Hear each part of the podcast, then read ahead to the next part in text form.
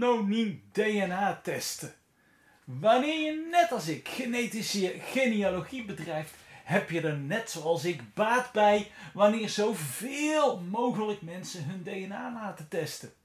Immers, hoe meer zielen, hoe meer vreugd. En des te meer matches krijgen we. Door verschillende omstandigheden zijn er natuurlijk altijd mensen die niet willen of kunnen testen. Denk bijvoorbeeld aan het officiële testverbod dat er nog steeds geldt in landen als Frankrijk of China. In deze 24ste aflevering van mijn podcast ga ik uitleggen hoe je anoniem zou kunnen testen met een garantie op blijvende anonimiteit. Mijn naam is Erik Mols. Ik ben getraind als bioinformaticus aan de Wageningen Universiteit en sinds mijn dertiende hobby-genealoog en sinds 1999 ondernemer in de informatietechnologie. De IT dus. Ja. Um, ik snap terdege dat dit onderwerp bij sommige mensen controversieel is. zeker voor mensen die bijvoorbeeld op zoek zijn naar een onbekende vader, opa, broer of zus.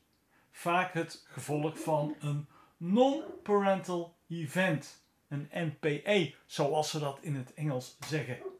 Of in het Vlaams noemen ze dat een koekoekskindje. Dat vind ik eigenlijk een hele leuke term.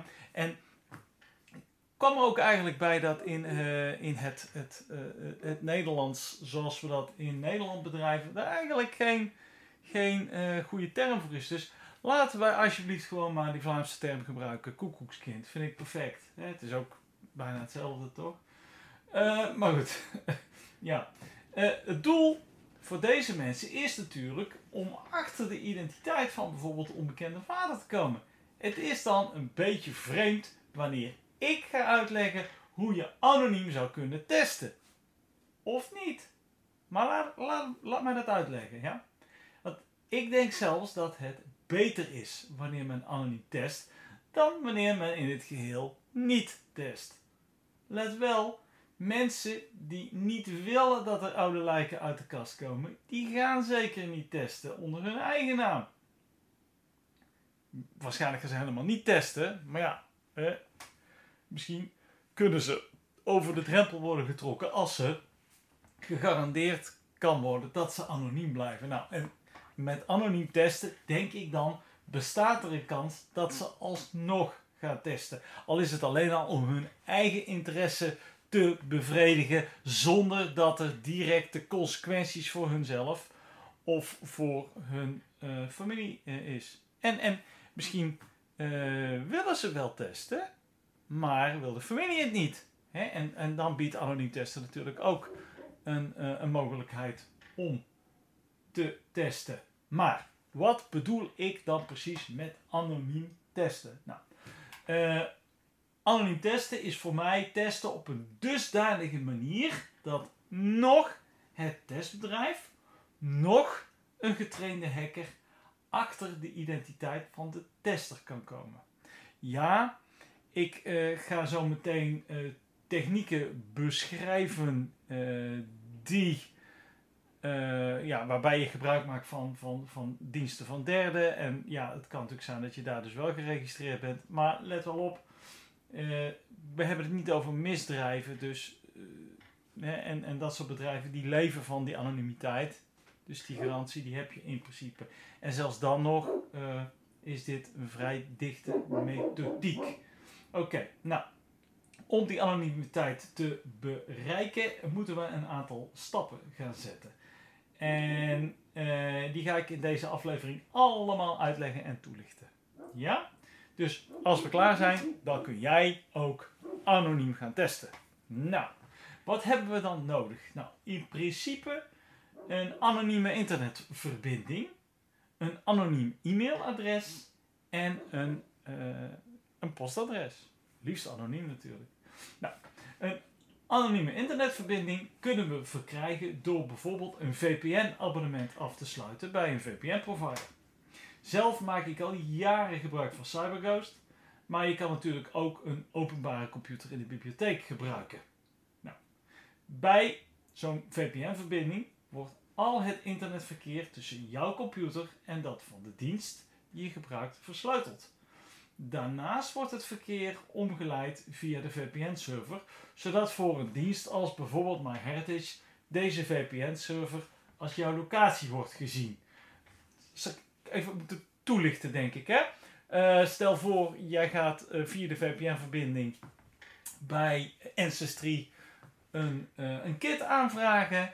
Dan heb je in, je, in mijn geval in CyberGhost, heb je via de VPN verbinding gemaakt. Maar dan kun je bijvoorbeeld een land kiezen en waar een VPN-server staat. En dan kies ik, ik kies Armenië. Waarom niet? Ik kies Armenië. Dan denkt Ancestry op dat moment, oh kijk, de klant zit in Armenië. En dan zeggen ze, ja, ik lever niet aan Armenië. Goed, uh, had ik een ander land moeten kiezen waar Ancestry wel aan levert. maar goed, de, de verbinding uh, gaat, gaat via die kant. Je kan natuurlijk ook gewoon in Nederland of in België een VPN-server nemen. Hè? Dan ben je nog steeds anoniem. Zit je in bijvoorbeeld het geval van CyberGhost, die server staat ergens in Amsterdam, denken ze dat ik in Amsterdam zit. Prima, doe je dat. Nou, uh, eens even kijken, waar was ik gebleven? Uh, ja, nou, dan, zie, dan zien ze dus die VPN-server als jouw locatie. Nou, het nadeel van zo'n VPN-verbinding is dat het natuurlijk ook geld kost. Hè? En in mijn geval betaal ik 85 euro voor drie jaar. Nou, en ik gebruik natuurlijk voor meer dingen dan alleen maar uh, anonieme kits aanvragen. Alhoewel, ik heb nog nooit een anonieme kit aangevraagd. Uh, het laat mij anoniem surfen. Zeker op openbare locaties, zoals wifi-netwerken van derden. Ik ben vaak uh, onder rood, ik geef vaak gastcolleges op locaties waar openbaar wifi-netwerken zijn. En ja, er is zoveel mogelijk qua, qua spionage en dergelijke en, en zoveel risico's dat ik dan altijd communiceer via een VPN-netwerk, zodat ik veilig ben daar. Uh, maar je kan het natuurlijk ook gebruiken hè, om bijvoorbeeld Netflix in de Verenigde Staten te kijken. Kan ook nog. En het, het voordeel van zo'n VPN-verbinding gebruiken uh, voor uh, mijn voorbeeld hiervan anoniem testen, is dat je dat lekker vanuit huis kan doen. Als je echt 100% garantie wil hebben op ontraceerbaar te zijn, dan uh, zou ik dat niet vanuit huis doen. Dan zou ik dat bijvoorbeeld gaan doen vanaf een openbaar netwerk. Maar kom op, ze, ze, je doet niks crimineels. Dus in principe kunnen ze bij de VPN-provider niet jouw locatie opvragen. En dat, dat moeten ze normaal juridisch afdwingen. En dat kan niet, want je doet niks wat verboden is. Oké, dus lekker vanuit huis. Je kan natuurlijk ook gebruik maken van openbare computers. je kunt naar een, eh, een, een bibliotheek gaan daar hebben ze openbare computers voor iedereen op gewerkt. Trouwens, de meeste gemeentehuizen hebben uh, tegenwoordig ook computers staan waar burgers bijvoorbeeld zonder vaste woning of verblijfplaats ja, gebruik kunnen maken van internetdiensten. Want let wel, zonder internet kun je natuurlijk bijna niet meer functioneren. Dus, openbare computer. Ehm, ja, dat heeft natuurlijk ook een nadeel, die openbare computer. Want iedere keer dat je uh, wil inloggen uh, op de dienst, laten we maar even zeggen op MyHeritage bijvoorbeeld, dan zul je dat dus op zo'n openbare computer moeten doen. Want immers op het moment dat je dat een keer doet op je eigen machine en iemand uh, zou meeluisteren of zou het internetverkeer afluisteren, dan ben je natuurlijk te traceren. Hè? En als je anoniem wil blijven, dan moet je dat dus ook op, op een openbare computer doen. Of via je VPN-verbinding natuurlijk. Nou, op de tweede plaats hebben wij nodig een niet te traceren e-mailadres. Nou, dat, dat kun je natuurlijk ook doen met, met uh, uh, Gmail, een Outlook-adres of een uh, Yahoo-adres. Maar wanneer je dit totaal veilig wilt doen, dan zou je dat kunnen doen door bijvoorbeeld gebruik te maken van Tutanota. Jawel, zo heet dat. Het Duitse Tutanota. Een aanrader. Gewoon ook voor dagelijks gebruik. Volledig anoniem e-mailen en voor privépersonen is het ook nog gratis. Let natuurlijk wel op dat je dit e-mailadres dan ook wel aanmaakt via een VPN-verbinding of op een publieke plek. Hè. We willen echt alle gaten dicht hier hebben vandaag. Nou, het uh, beginnen in de buurt te komen van het einde, tenminste van de constructie. Het derde onderdeel betreft dan een postadres. En ja, dat is natuurlijk de zwakke plek. Immers, het pakje met de DNA-testkit moet ook ergens naartoe. Wanneer je dit totaal veilig wil kunnen doen, kun je gebruik maken van bijvoorbeeld de diensten van prepost.eu. Nou, je krijgt dan een postadres via welke de post naar jou doorgestuurd wordt. Dit is natuurlijk niet gratis en kost zo'n 20 euro om op te starten, vervolgens een euro of 7 per maand en 8 euro per poststuk wat wordt doorgestuurd dan. Eh, je feitelijke adres is dan natuurlijk wel bekend bij deze dienstverlener, maar voor hun is geheimhouding core business. Wanneer je hier geen kosten voor maken, kun je natuurlijk ook aan een bekende vragen of je hun adres mag gebruiken. Maar dat is natuurlijk dan wel meteen een zwakke plek. Nou, voel je jezelf nu al een beetje spion? Hmm. Denk nu niet dat ik een halve crimineel ben, hè? dat ik hier allemaal van op de hoogte ben. Sommigen weten dat ik al jarenlang voor diverse hogescholen informatica onderwijs verzorg en dat ik dit ook doe in het domein van de cybersecurity. Ja, ik weet hoe je anoniem op een computer kunt zijn. Dat is gewoon uh, core business voor mij, zeg maar. Na het opzetten van de VPN kun je dus een e-mailadres aanvragen. Via de VPN koop je met je anonieme e-mailadres een testkit bij bijvoorbeeld MyHeritage, waarbij je gebruik maakt van het geregelde postadres. Na het ontvangen van het pakje kun je via de VPN weer inloggen bij bijvoorbeeld MyHeritage en je kit activeren. Vervolgens is het een kwestie van samplen en insturen. En natuurlijk heb je bij het testbedrijf wel een leuke naam bedacht om te gebruiken. Denk er wel aan dat je iedere keer wanneer je inlogt op MyHeritage, dat je dit doet via een VPN-verbinding of openbare computer. Anders ben je traceerbaar geworden. Maar wie gaat er nu een hacker inhuren om je te traceren, toch? Hmm. Heb ik nou echt overal aan gedacht of heb ik, heb ik er toch nog een zwakke plek in zitten? Wat denken jullie? Er zit nog één zwakke plek in. Eén ding wat ik nog niet heb toegelicht. Dat is de betaling van de kit. Want uh, dat is natuurlijk ook een proces. Er zal natuurlijk wel voor die kit betaald moeten worden. Nou, anonieme creditcards, die hebben we niet. Dus, dus dat gaat hem niet worden. Met een ideal betaling zit natuurlijk altijd je uh, bankrekening eraan vast. Maar ja, die is in wezen alleen maar bekend bij uh, het testbedrijf. Nou, wat je natuurlijk altijd kan doen is met iemand anders iets afspreken dat die voor jou betaalt. Hm? Wellicht kun je dat combineren met het postadres.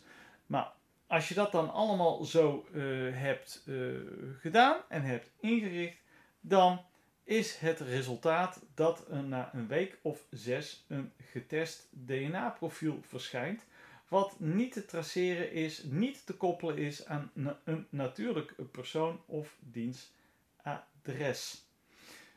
Toch geeft dit de mogelijkheid om matches te zien en via het testbedrijf met deze persoon te communiceren. Ja? En dat is denk ik het belangrijkste: dat er weer een persoon heeft getest, dat er weer een DNA-profiel eh, bijgekomen is waar we weer matches mee kunnen hebben. En ja, is dit hele proces zoals ik het beschreven heb misschien niet een beetje overdreven? Hè? Uh, volstaat het niet om gewoon een uh, account aan te maken bij het testbedrijf waar je gewoon geen naam aan hebt gekoppeld of een, een schuilnaam aan hebt gekoppeld? Immers, het testbedrijf houdt ook alle gegevens eh, geheim. Dus, maar ja, je hebt altijd mensen die, eh, die bang zijn. En eh, deze methodiek die ik hier vandaag heb beschreven is in ieder geval in principe waterdicht. En leidt tot echte anonimiteit. Maar met een valse naam ben je er natuurlijk ook. Voor veel gevallen. Uh, komt alweer een einde aan, uh, aan deze 24e aflevering van mijn podcast. En ik zou zeggen tot de volgende keer. En uh, vergeet je ook niet eventjes om op het platform, op de podcatcher waar jij op luistert, om een, een leuke review te schrijven. Dat helpt bij het promoten van mijn podcast. Goed, tot een volgende keer.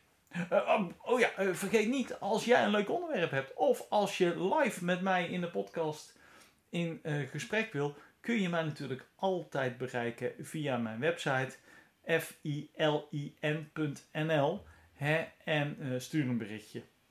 Tot de volgende keer. De muziek is gemaakt door Airtone en is vrijgegeven via een Creative Commons licentie.